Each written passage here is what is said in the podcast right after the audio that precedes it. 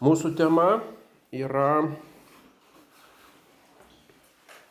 pradžios knyga, tasai pirmas skyrius. Ir taip sakoma, kad net viso gyvenimo neužtektų, kad suvokti tuos visus žodžius ir e, tą pasaulio sutvėrimo visą paslapti išminčiai ir bažnyčios tėvai tam praleisdavo, e, skirdavo ilgiausius traktatus, taip kad niekada nebus per daug laiko. Tiesiog tos paskaitos yra paskatinimas, kad suvoktume tą trečiąją dimenciją, galima sakyti, gylio e, matmenį švento rašto tekstuose ir imtume iš tikrųjų su susidomėjimu, su komentarais, su pamastymu skaityti šventą raštą. Tai nėra kaip parapijose būna Biblijos rateliai, kur be kažkokio aiškinimo ar komentaro tiesiog skaitome ir atseit viskas savaime aišku ir paskui žmonės savo liudijimus. O ką man reiškia ta Biblijos vieta, ką aš pajutau. Ir tada žmonės jau ne apie Dievo žodį, ne apie tą e, tikėjimo tiesą masto, o apie tai, ką aš jaučiu ir ką man tai duoda ir kaip tai susijęs su mano gyvenimu. Tai yra antrairis, trečiairis dalykas, o esminis dalykas, ką iš tikrųjų Dievas nori pasakyti, kas iš tikrųjų yra tose žodžiuose. Tai yra svarbiausia ir prie to aš turiu paskui prisitaikyti.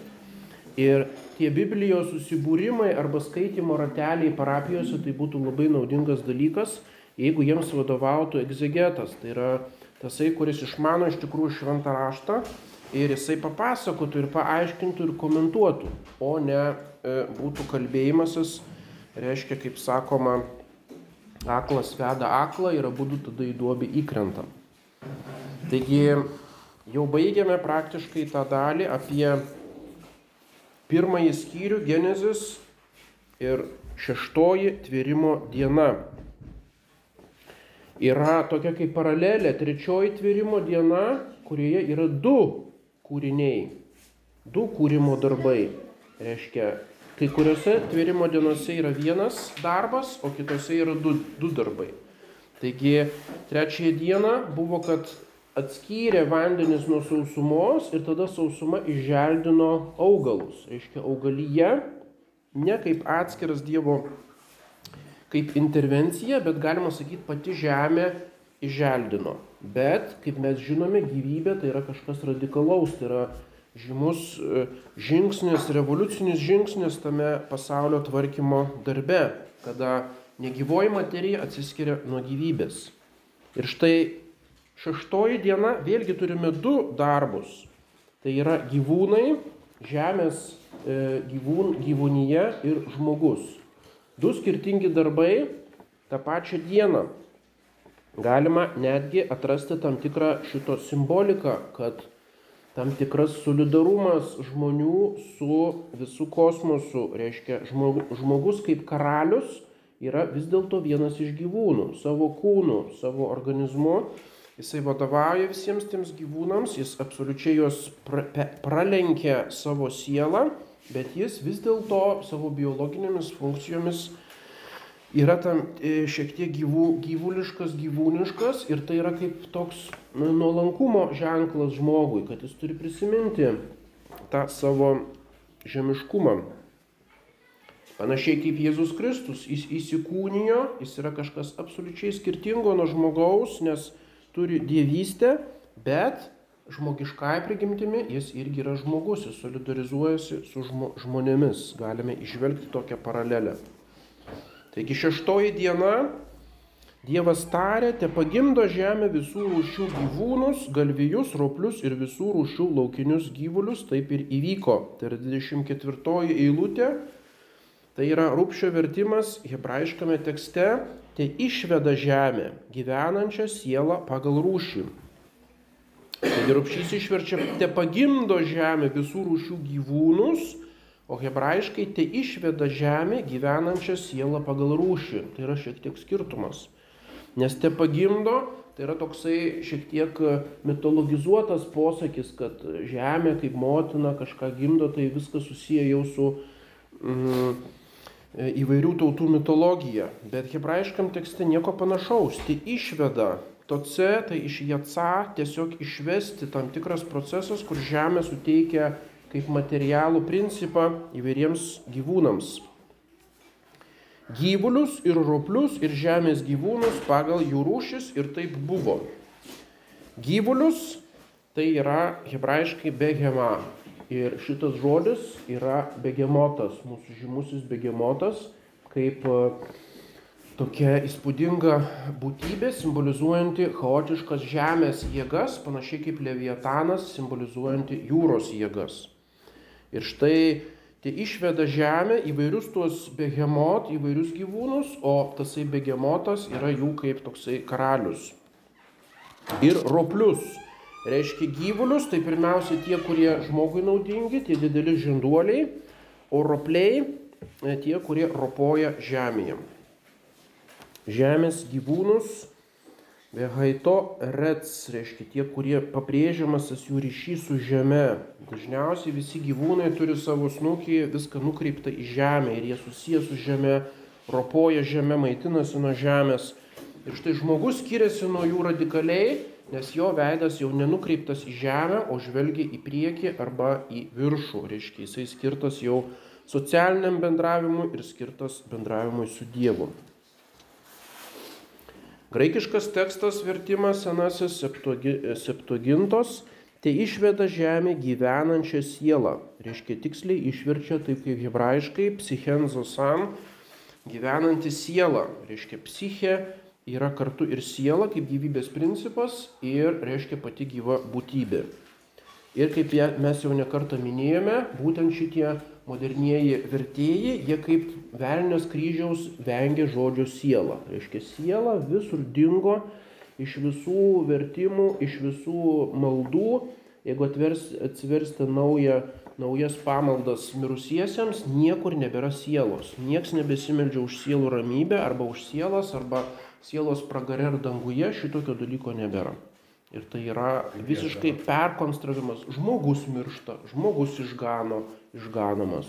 Reiškia, o, o siela jau kažkas yra atseit svetima šventajam raštui, nieko panašaus. Mes turime visiškai aiškę skyrimą tarp kūno ir sielos. Kaip tai matysime, ypač žmogaus sutvėrime. Dievas sutvėrė kūną, o paskui įkvėpė sielą. Ir šitą neikti tai yra visiškas iškreipimas švento rašto prasmės. Išvedama iš žemės, kai kurie aiškina, kad būtent viskas buvo sutverta, visas pasaulis jau pačią pirmą dieną, bet kai kurie dalykai sutverti aktualiai iš tikrųjų, o kai kurie potencialiai, reiškia, kaip savo galimybėje ir dabar ta potencija, reiškia, aktualizuojama, išvedama iš žemės, panašiai kaip kiaušinis potencialiai jau yra paukštis arba viščiukas. Žemė nėra kaip antrinė priežastis veikiančioji, o jinai yra materialioji priežastis. Taigi, kad tai išveda žemė, nereiškia to, kad žemė kaip e, neorganinė neorganinė materija arba Žemė kaip planeta turi kažkokią aktyvę galę su, sutverti gyvybę, arba jinai yra kaip Dievo įrankis arba instrumentas tveriantis gyvybę. Nieko panašaus. Tai išveda, tai reiškia materialumą, reiškia jinai teikia materiją, teikia materialias medžiagas šitiems materialiems gyvūnams. 25 eilutė Ir padarė Dievas žemės gyvūnus pagal rūšį ir gyvulius pagal jų rūšį ir visus dirvos roplius pagal rūšį ir matė Dievas, kad tai gera. Reiškia, 24 eilutė sako, te išveda žemę, o 25 eilutė jau sako, padarė Dievas žemės gyvūnus. Reiškia, žemė yra tik tai materialioji priežastis, bet visos gyvybės ir visų gyvūnų e, kūrėjas yra vienintelis Dievas. Jis tai daro suvereniai savo žodžiu, e, jam nepadeda nei kiti tvari, jokie kiti tvariniai ir nei angelai, nei žemė kaip materija. Ir štai mm, e,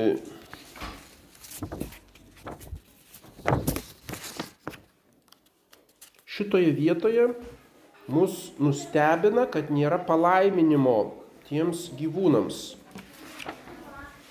22 eilutėje ir palaimino Dievas e, jūros žuvis ir dangaus skraiduolius ir sako, veiskitės ir dauginkitės ir pripildykite vandenis jūrose ir skraiduoliai tiesidaugina ant žemės.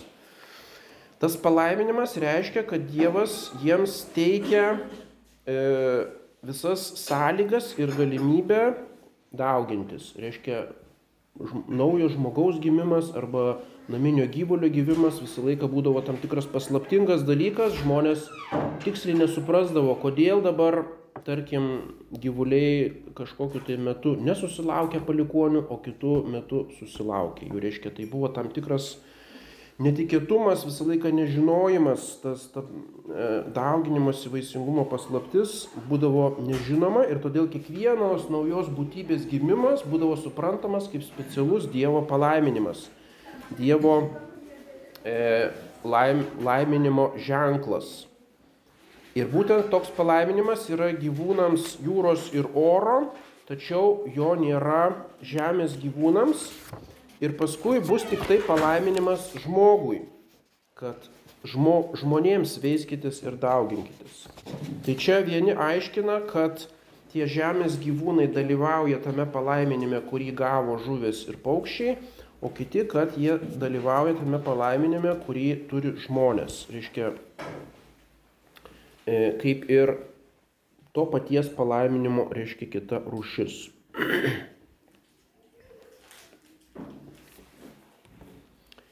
26 eilutė ir tarė Dievas, padarykime žmogų pagal mūsų paveikslą, pagal mūsų panašumą. Ir te valdo jį jūros žuvis ir dangaus skraiduolius ir gyvulius ir visą žemę ir visus roplius ropuojančius ant žemės. Tai yra hebrajiškas tekstas. Rūpšio vertimas padarykime žmogų pagal mūsų paveikslą ir panašumą. Hebrajiškai yra pagal mūsų paveikslą, pagal mūsų panašumą. Du skirtingi, e, reiškia, pabrėžiamas tasai skirtumas labiau. Padarykime, kodėl yra daugiskaita. Tai sukel, suke, sukėlė milžiniškas diskusijas jau e, Senojo testamento laikais, rabinai e, hebrajų diskutuodavo šito klausimu. E, paskui bažnyčios tėvai paskyrė tam daug laiko, paskui modernieji egzegetai ir čia vieno tokio aiškaus atsakymo nėra. Pirmoji teorija buvo, kad Dievas kviečia angelus dalyvauti tvėrime. Mes kalbėjome, angelai sudaro lyg tokį dangišką dvarą, e, e, kuriam vadovauja jau kaip karalius Dievas. Ir štai dabar lyg ta, Dievas kreipiasi į tuos angelus, padarykime Ir šitai yra atmestina, visiškai aišku, kad tai yra klaidinga. Izaijas 44 skyrius, tai tarė viešpats, kuris suformavo tave iš iščių, reiškia, aš esu viešpats, tveriantis viską, ištiesantis e, dangų, vienintelis ištiesantis dangų sutvirtinantis žemę ir nieko nėra su manimi. Visiškai pabrėžiama, aš vienintelis solus, e, graikiškai, e, reiškia latiniškai, vienintelis visą tai darau ir nieko nėra su manimi. Jis vienintelis yra tvėrėjas iš nieko ir jis vienintelis e, padaro tuos esminius kosmoso tvarkymo, reiškia, darbus. Kiti tvariniai tik tai prisideda jau prie pasaulio ornatus, reiškia prie pasaulio puošimo, kaip trečia eilio tokio kosmoso tvarkymo. Ypač protingi tvariniai kaip angelai ir žmogus. Tačiau pačiame tvėrime, o ypač tokiame e, radikaliame žingsnėje kaip gyvūnijos atskirimas nuo augalų pasaulio ir paskui žmogaus sutvėrimas, tikrai angelai šitame visiškai nedalyvauja ir tai galima sakyti jau yra kaip erezija. Šventasis Tomas Akvinietis pabrėžė, Dievui tveriant gyvūnus ir ypač žmogų angelai nedalyvavo. Tik tai vienas Dievas tvėrė. Toliau hebrajiška teorija, ypač e, dabartinėme judaizme, e, kur vyrauja, reiškia, tose įvairiose švento rašto aiškinimuose kabalistinė visa simbolika, Dievas tveria kartu su Šechina. Šechina tai yra toks kaip moteriškas pradas. Nu, čia nesigilinsime į tai, bet būtent labai daug rabinai apie tai mm, diskutuodavo. Reiškia kaip e, tam tikras moteriškas elementas e, Dieve. Ir aišku, tas moteriškumo įvedimas į Dievą, iš kur jis atsirado kabaloje, jis atsirado iš graikų E, platoniškos, neoplatoniškos visos mistikos, reiškia tas neoplatonizmas smarkiai paveikė judaizmą ir atsirado ištisos tos hierarchijos, reiškia sefirot, tų įvairiausių pakopų tarp Dievo ir tvarinijos, kurios atsėti tarpininkauja. Trečia teorija, kad Dievas kreipiasi į angelus, tardamas, tardamasis, reiškia Dievas tik tai tarėsi su angelais, jis lyg tai e, praneša jiems tą žinią, kad dabar imsimės šito esminio atvėrimo darbo. Mes, reiškia, tai yra Dievas ir ta angelų kareivyje Cebaot. Prieš nutardamas tverti žmogų, jis lyg tai tarėsi su angelais, kad jie nepavydėtų žmogui. Tokia yra kaip detalizacija. Reiškia, Dievas lyg sako angelams, jūs esate sutvirti pagal mano atvaizdą ir panašumą. Ir mano valia yra sutverti kažką panašaus žemėje, kuris taip pat būtų pagal mano atvaizdą ir panašumą.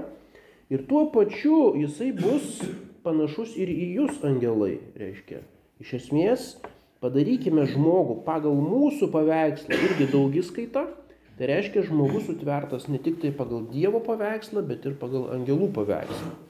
Ir kur tas yra angeliškumas žmoguje? Aišku, tai yra nemirtinga dvasinė siela, kuri panaši į angelą. Ir būtent angelai dėl to e, neturėtų pavydėti, tačiau būtent tas pavydas atsirado, būtent angelų puolimas siejamas su žmogaus sutvėrimu ir su išganimo planu, kuris buvo prekštas angelams, kad būtent Dievo sūnus įsikūnys į žmogų, o ne į, prisims ne angelo pavydalą, o žmogaus kūną ir tuo būdu žmonės lyg taps labiau privilegijuoti net kaip angelai ir su tuo nesutiko Luciferis ir tai yra angelų polimo priežastis.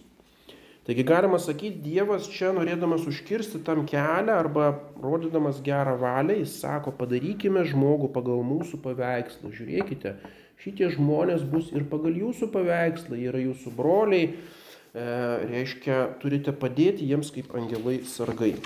Galima toksai aiškinimas. Tačiau kiti bažnyčios tėvai sako ne, šventasis Bazilijus pabrėžia žmogus nesutvertas pagal, angelų paveikslą. Reiškia, bandoma daryti skirtumus. Čia tokios jau yra kaip diskusijos tarp bažnyčios tėvų. Tarp dabartinių egzegetų kita teorija, populiariausia, kad tai yra pluralis majestatis, reiškia didybės daugiskaita. Taip kaip karalius sako, mes, Prancūzijos karalius, nusprendžiame tą ir tą. Tai panašiai Dievas, kuris taip pat vadinasi Elohim, reiškia dievai, daugiskaita Elohim. E, dar kita teorija, ypač pas bažnyčios tėvus, kad čia kalbama apie švenčiausiąją trejybę. Dievas tėvas kviečia kartu kurti sūnų ir šventąją dvasę. Dabartinė egzegezė ne tik modernistinė, bet šiaip sako, kad čia galbūt to nėra, nes e, tai nebuvo intencija pradžios knygoje apreikšti švenčiausios trybės paslapti, tos trybės apreiškimas įvyko vėliau, e, kaip tam tikrose simboliuose Senajame testamente, o galutinis ir tikras apreiškimas yra per Jėzų Kristų Naujajame testamente. Ir todėl ieškoti čia švenčiausios trybės nėra kaip nėra kaip pagrindo. Nors žinoma, tai yra dogminė tiesa, kad tvėrime dalyvauja ir sūnus, tai yra Jono Evangelija, pirmas skyrius, viskas sutverta pagal Dievo žodį arba pats logos, tai yra Dievo sūnus, e, tveria pasaulį, reiškia visą tai, ką mes skaitome apie pasaulio sutvėrimą, galime pasakyti, Jėzus Kristus, šitas Jėzus Kristus išganytojas buvo ir pasaulio tvėrėjas, jisai tvėrė visus tos dalykus, kaip Dievo sūnus. Ir taip pat šventoji dvasia, jai irgi priskiriamas tvėrimas, tarkim Jobo knyga 26 skyrius, jo dvasia išpošia dangų ir taip toliau. Tai reiškia, Dievas tėvas kartu su sunumi šventąją dvasia sako, dabar padarykime, padarykime šitos aukščiausius iš tvarinių, tai yra kaip e, viršūnė viso šito tvarinijos darbo. Šventasis Hilarijus bažnyčios tėvas cituoja kitus ankstesnius tėvus, kurie būtent čia mato švenčiausiai trejybę.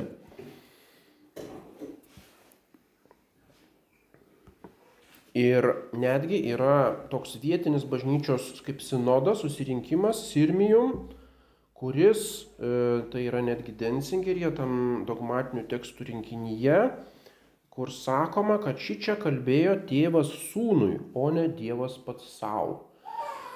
Dabar ar šitas vietinio susirinkimo Sirmijum dokumentas, jis yra kaip tam tikras tradicijos liudininkas, bet negalime sakyti, kad tai yra įpareigojantis griežtai dogminis nutarimas, kadangi tai nebuvo visuotinis bažnyčios susirinkimas, o tik vietinis.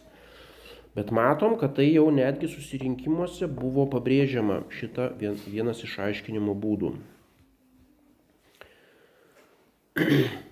Jono Evangelija 14 skyrius Jei kas mane myli, laikysis mano žodžių ir mano tėvas jį mylės. Mes pas jį ateisime ir apsigyvensime.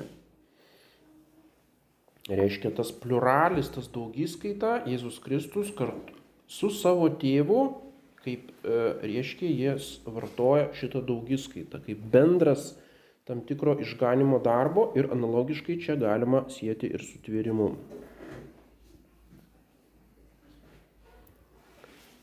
Padarykime, taip pat gali būti tokia kaip um, literatūrinė forma, um, reiškia tiesiog su savimi, kaip kalb, kalbėjimas su savimi, solilokujum. Gesmių gesmė pirmas skyrius - iš aukso nukalsim tau grandinėlės, išpuošėme jas sidabru. Nors šį čia kalba vienas sužadėtinis, o sužadėtinis yra kaip išganytojo toksai tipas, Ir būtent jis kalba daugiskaitę, nukalsim tau grandinėlės, išpuošime jas sidabru. Ir tiesiog šitas pluralis daugiskaita pabrėžia, kad žmogaus sukūrimas yra viso atvėrimo darbo viršūnė.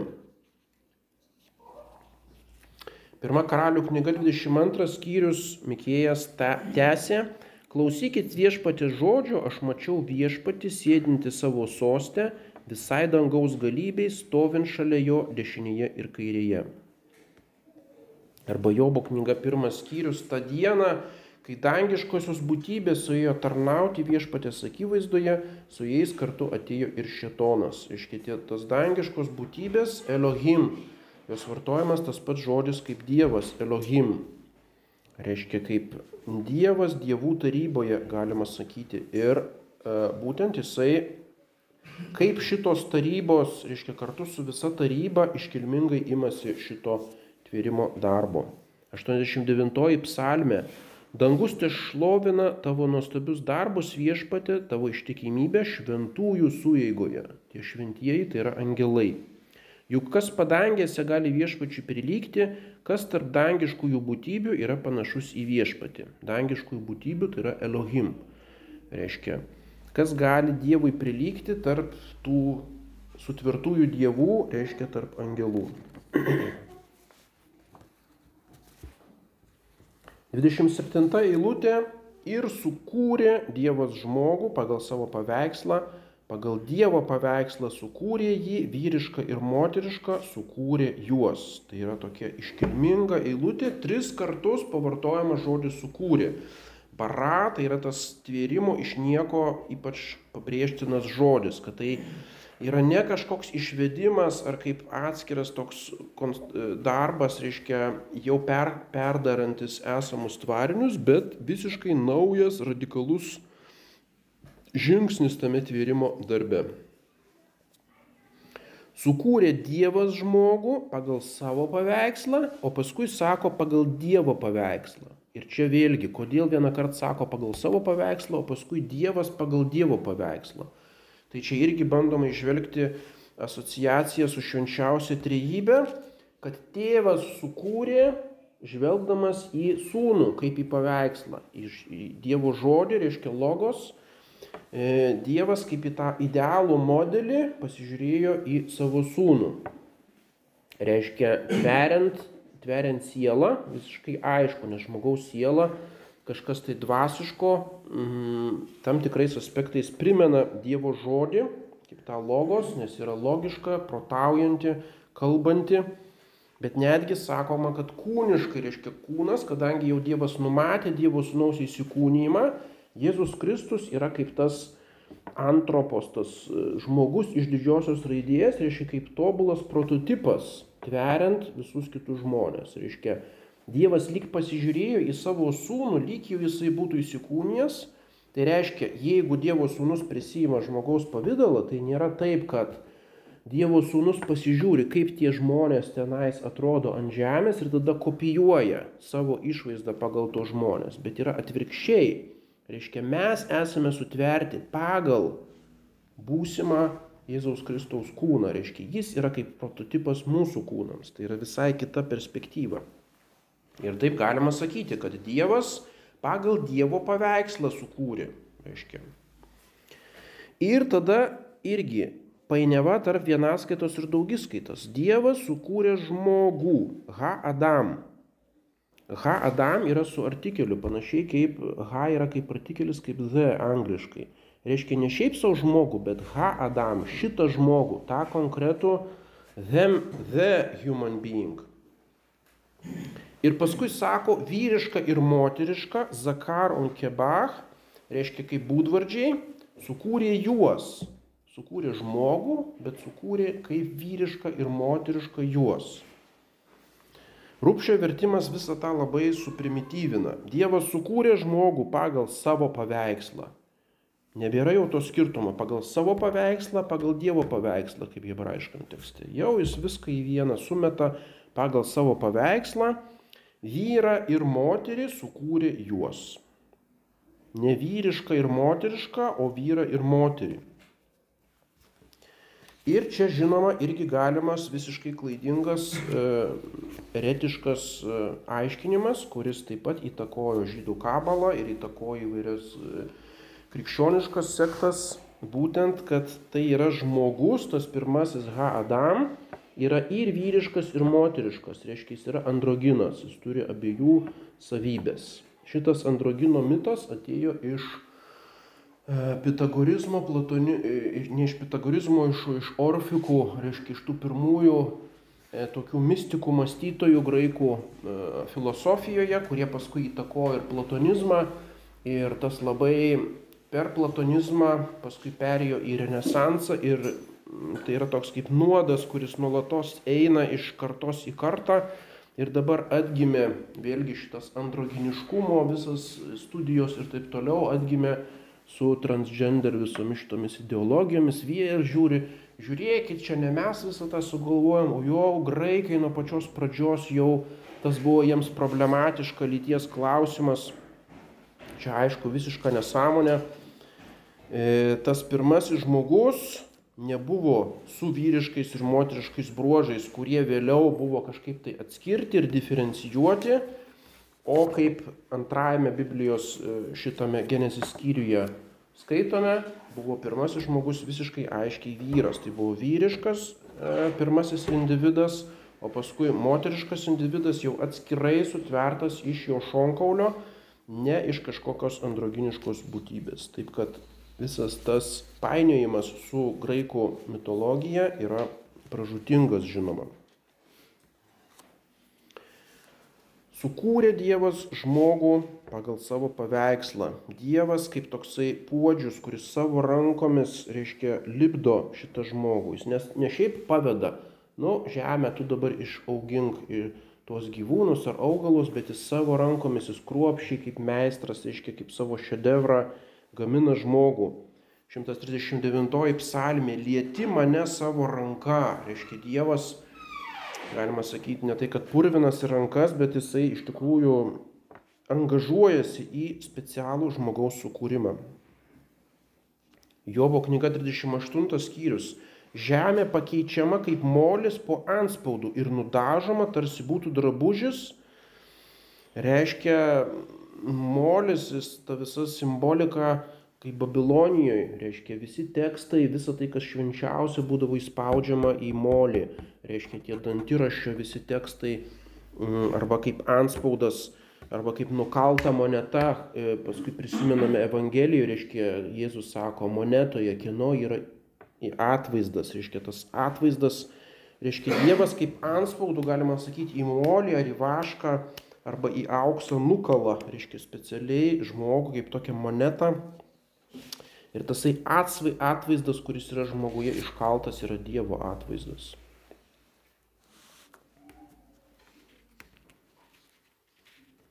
Taigi lyčių skirtumas pabrėžiamas tik tai pats žmogų. Niekur ne, ne, nekalbama apie augalų lydis, nors daug augalų irgi turi skirtumus tarp vyriškų ir moteriškų, taip pat apie įvairių gyvūnų lytis tas visiškai neakcentuojama. Bet lyčių skirtumas pabrėžiamas pa žmogų. Reiškia, lyčių skirtumas ir dauginimasis kažkas nuo pat pradžios įdėkto Dievo. Taigi tai yra kažkas iš, iš, iš esmės fundamentalaus pačiame žmogaus sutvėrimo akte. Ir tai nėra tik atsitiktinis kaip genetinis arba tam tikras techninis aspektas. Sakoma, koks šis skirtumas, reiškia vienos gyvos būtybės reiškia mm, partenogeniškai dauginasi, reiškia tiesiog motina ima ir pagimdo vaiką, arba kitos dalinasi. Čia atsėti tik techninis klausimas, kaip daugintis. Tarkim, tarp įvairių žuvų yra, kad ta pati žuvis gali daugintis ir lytiniu būdu, reiškia patinas ir patelė, bet ir pati patelė gali šiaip šiaip imti ir pagimdyti, reiškia, jai nereikia reiškia partenogeniškai vadinasi. Tai reiškia, nu tai toks kaip aspektas, panašiai kaip virškinimas ar kiti dalykai, atseit tai neturi gilios antropologinės ar filosofinės ar teologinės reikšmės. Bet ne, jeigu Dievas sako, kad sutvertas pagal vyrimo reiškia, tai turi rimtą reikšmę. Ir tai dabar vis labiau diskutuojama teologijoje, ginantis nuo visų šitų gender ideologijos. Kita vertus, vienintelis iš skirtumų, kurie yra tarp žmonių, pabrėžiamas lyčių skirtumas. Ir tai taip pat reikšminga. Narodos, jeigu neklystų, Pijus XII šitą pabrėžia, nekalbama apie atskiras žmonių rūšis, taip kaip pas gyvūnus, arba rases kažkokias tai, kad yra aukštesnės ar žemesnės rasės, kas buvo labai populiarios teorijos 20, 20 amžiaus pirmoje pusėje, reiškia šitokių skirtumų nėra. Tai reiškia, jeigu bandome suderinti tvėrimo pasakojimą su mm, atradimais tam tikrais paleoantropologijos, senųjų kaulų iškasenų žmonių, tai visiškai aišku, kad iš katalikiško punkto tarp visų šitų radinių ir kaulų mes turime brėžti visiškai aiškę liniją, kad tai yra žmonės, o tai yra ne žmonės. Ir negali būti tarpinio kažkokio tai. O kita vertus, jeigu yra žmonės, tai nepaisant jų tam tikrų genetinių skirtumų, ar jis žemo ūgio ar aukšto, tarkim, yra, tai yra toks kaip fundamentaliausias skirtumas rasinis, reiškia visur e, Žemėje randamos tokios pigmėjai, reiškia Afrikos pigmėjai, paskui Andamanų salose, paskui Malazijoje, paskui Naujoje Gvinėje, tokie ypač mažo ūgio žmonės, kurie visa populiacija yra labai mažo ūgio ir jie radikaliai skiriasi nuo visų aplinkinių tautų. Paskui kitas skirtumas yra odos spalva. Vieni yra juodos spalvos, kiti baltos, kiti įvairiausių tarpinių, paskui yra akių forma ir taip toliau.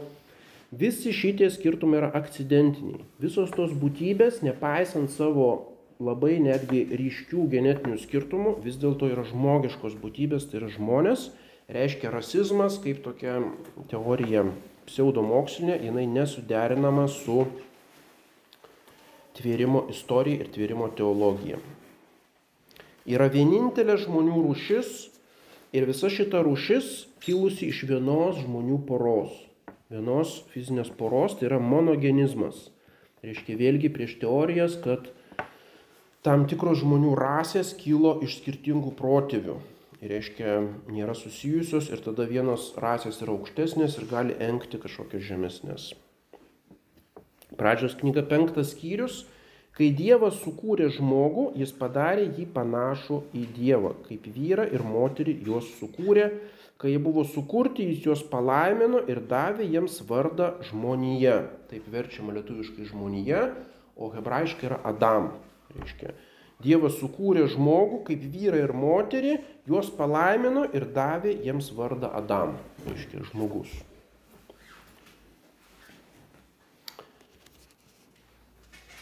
Dvidešimt aštunta eilutė ir palaimino juos Dievas ir tarė jiems, veiskitės ir dauginkitės ir pripildykite žemę ir, reiškia, valdykite ją. Rūpšys verčia valdykite ją, o hebrajiškai yra trypkite ją. Vek iš buha, iš kabaš, reiškia trypimas kojomis, tai yra dominacija, fizinis pavirgimas, galima sakyti, e, absoliuti dominijum. Taip kaip romėnų teisėje yra tam tikros valdymo formos tokios politinės, kad tarkim, politinė valdžia tai nevaldo kaip vergų, reiškia piliečių. Tiesiog jiems duoda tam tikrus įsakymus, bet skaitosi su jais. O kita valdymo rūšis yra dominijų, reiškia, kuria valdo absoliučiai ir primeta savo valią ir tas turi absoliučiai paklusti.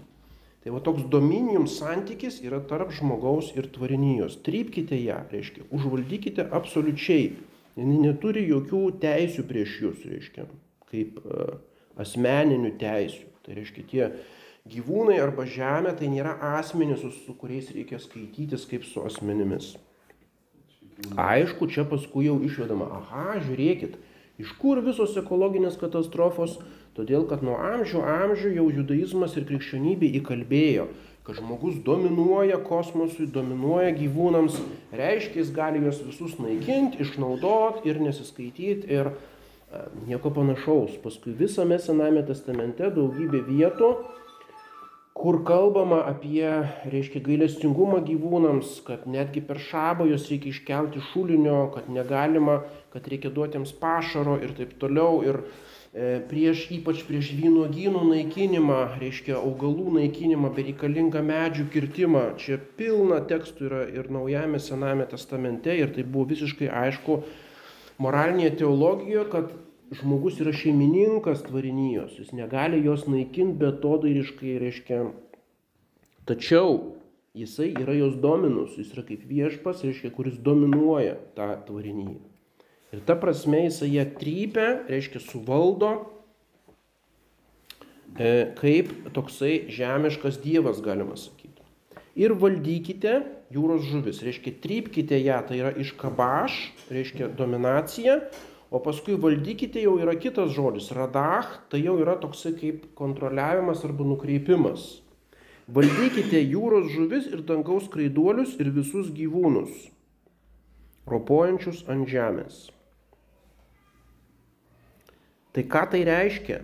Kad Dievas davė žmonėms, tiems pirmiesiems Adomui ir Ievai, galę valdyti ne tik tai tuos naminius gyvūnus, bet visus skraiduolius ir žuvis ir e, ropojančius ant žemės visus gyvūnus.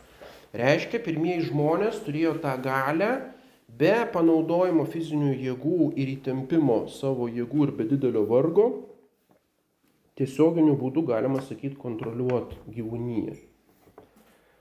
Ir šitą savo galę kontroliavimo jie prarado su gimtaja nuodėme, su puolimu.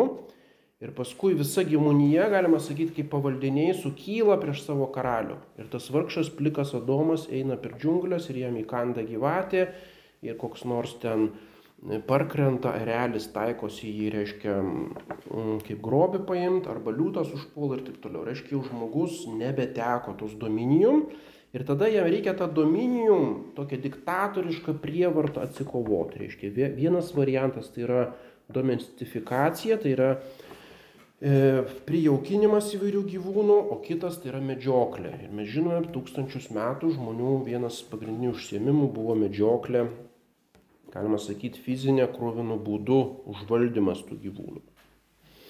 Ir tai jau yra kaip nuodėmės pasiekmė. O jeigu viso to nebūtų, šito nereikėtų. Reiškia, žmogus paprastu valios aktu ar kažkokiu ženklu jisai valdytų gyvūnyje. Graikiškas tekstas. Palaimino juos Dievas tardamas, aukite ir dauginkitės, auksanetėte, auksa nesti, reiškia, aukite. Neveiskitės, o pabrėžiamas augimo aspektas ir dauginkitės. Ir pripildykite žemę ir viešpataukite, kad aki reizate, reiškia kyrijos, čia yra žodis. Tai reiškia, žmogus yra kaip kyrijos, kaip mes sakom, kyrija eleison, tai yra viešpats tiems gyvūnams. Ir valdykite jūros žuvis, jau sakoma, nebetrypkite kaip hebrajiškai, o archete, reiškia tas žodis arche, reiškia kaip toksai valdantysis principas, galima sakyti. Valdykite jūros žuvis, dangaus sparnuočius, galvijus visą žemę.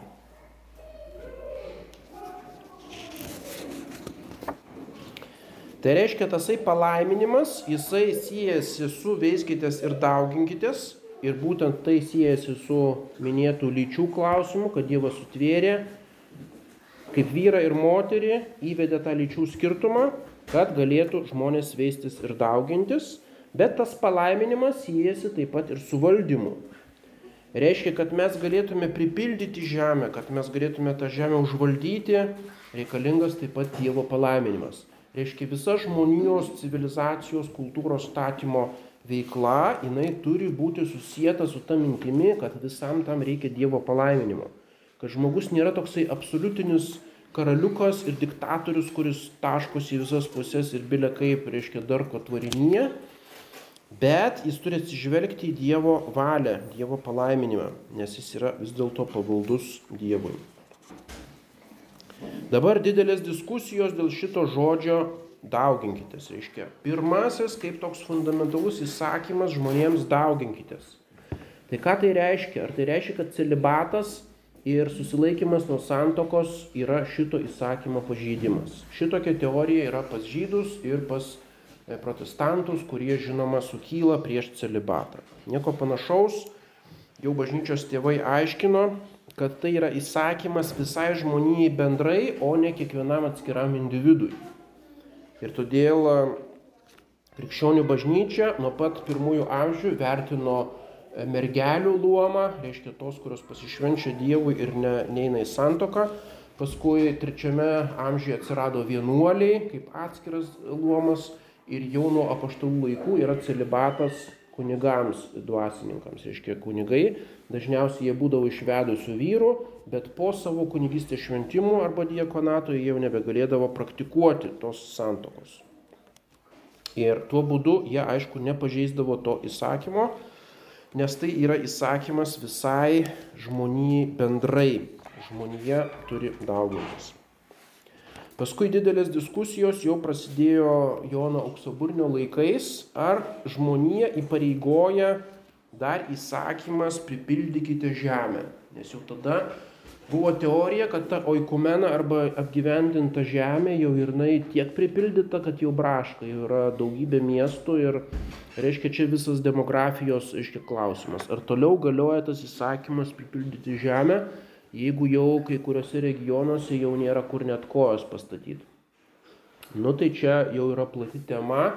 Ar galima sieti tas vietas su demografijos klausimu, reiškia su žmonijos skaičiaus klausimu, nes yra kai kurie, kurie pritarė tiems visiems kontraceptiniams, reiškia, tai ideologijai, kad atseit iš tikrųjų jau žemė yra pripildyta ir žmonės turėtų imtis techninių priemonių žmonių skaičiui sumažinti, bando tai pagrysti tam tikrais teologiniais argumentais. Čia dabar iš tą klausimą nesigilinsim, bet būtent tas žodis pripildykite, jisai yra labai sukėlęs daugybę diskusijų.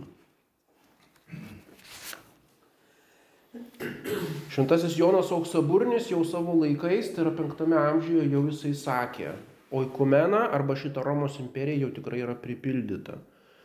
Ir reiškia, tų žmonių tikrai yra daug. Tai ir kokia jo išvada? Ar sako, nu tai dabar imkime kontracepcijos. Ne, jisai sako, užtenka tik tai dalies žmonių, reiškia tolesniam šito įsakymo vykdymui. Dauginkitės ir užpildykite žemę. O ką turi visi likę daryti? Jie turi eiti į vienuolynus, sako Jonas Krizostomas. Reiškia, vienuolių luomas turi būti ne kažkoks mikroskopinis, kaip dabar reiškia pusę procento populacijos, bet tame celibate, Dievui pašvestame kažkokiame celibate, ar kaip mergelės, ar vienuolynuose, turėtų gal net kokia trečdalis, reiškia, visos visuomenės būti. Nu ir panašiai jau buvo viduramžiais, kad tikrai, reiškia, šeimos buvo didelės, bajorui gimsta penkios dukros, nu ir vieną ar dvi dukras ištekino, o visos kitos trys ten nelabai klausė jų noro, jos eina į vienuolyną. Ir taip prisipildė vienuolynai. Ir tie vienuolynai atliko milžinišką funkciją, ne tik tai tą maldos funkciją, bet e, socialinė, karitatyvinis darbas, mokymas ir taip toliau. Ir galim įsivaizduoti, kokia yra palaima visai žmonių bendruomeniai, jeigu didelė jos dalis yra pašvesta tam tikrų būdų ir reiškia tiesiogiai, galima sakyti, Dievo tarnybai paskirta. Nu ir aišku, dabar imam feminizmą. Tai iš pradžių feministės tai iš viso, kas čia vienuolysi, čia reiškia patriarchalinis vergovė, reiškia kažkokie vyro, vyrų kunigų valdomi tokie kaip haremai moterų, pavergimas moterų. O dabar jeigu paskaitytumėt feministas, tai oho, sako, vienuolynai tai buvo moterų emancipacijos žydiniai. Reiškia visos to šventoji Gertrūda Hildegarda, kodėl jos vienuolynuose? Todėl, kad tik tai vienuolės tos vienuolynė išmokdavo rašto, jos galėdavo knygas rašyti, kurti muziką, reiškia savo asmenybės, e, reiškia vystyti ir su vienuolėmis skaitydavosi ir tie bažnyčios tėvai, ypač šventasis Jeronimas, tai jie visi buvo apsupti tų, reiškia, Dievui pasišventusių mergelių ir moterų, jos turėjo milžinišką įtaką bažnyčios tėvams inspiruodavo netgi jų atskirus raštus, netgi sakoma, kad kuri ten iš tų moteriškių, reiškia, įkvėpė net šventą Jeronimą versti į lotynų kalbą šventą raštą. Buvo didžiausia korespondencija su tomis moteriamis, jos turėjo milžinišką įtaką pir, pir, pirmąjį bažnyčiai.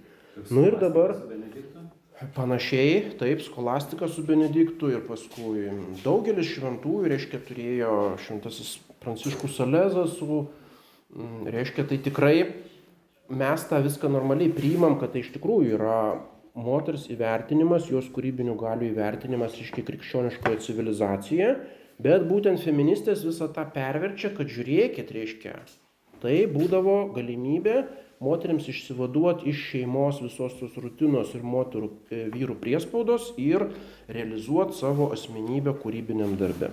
Na gerai. Gali būti tokia teorija. Bet būtent e, tai yra klausimai dėl veiskitės, daugykitės ir pripildykite. Dabar gal čia nesiplėsime.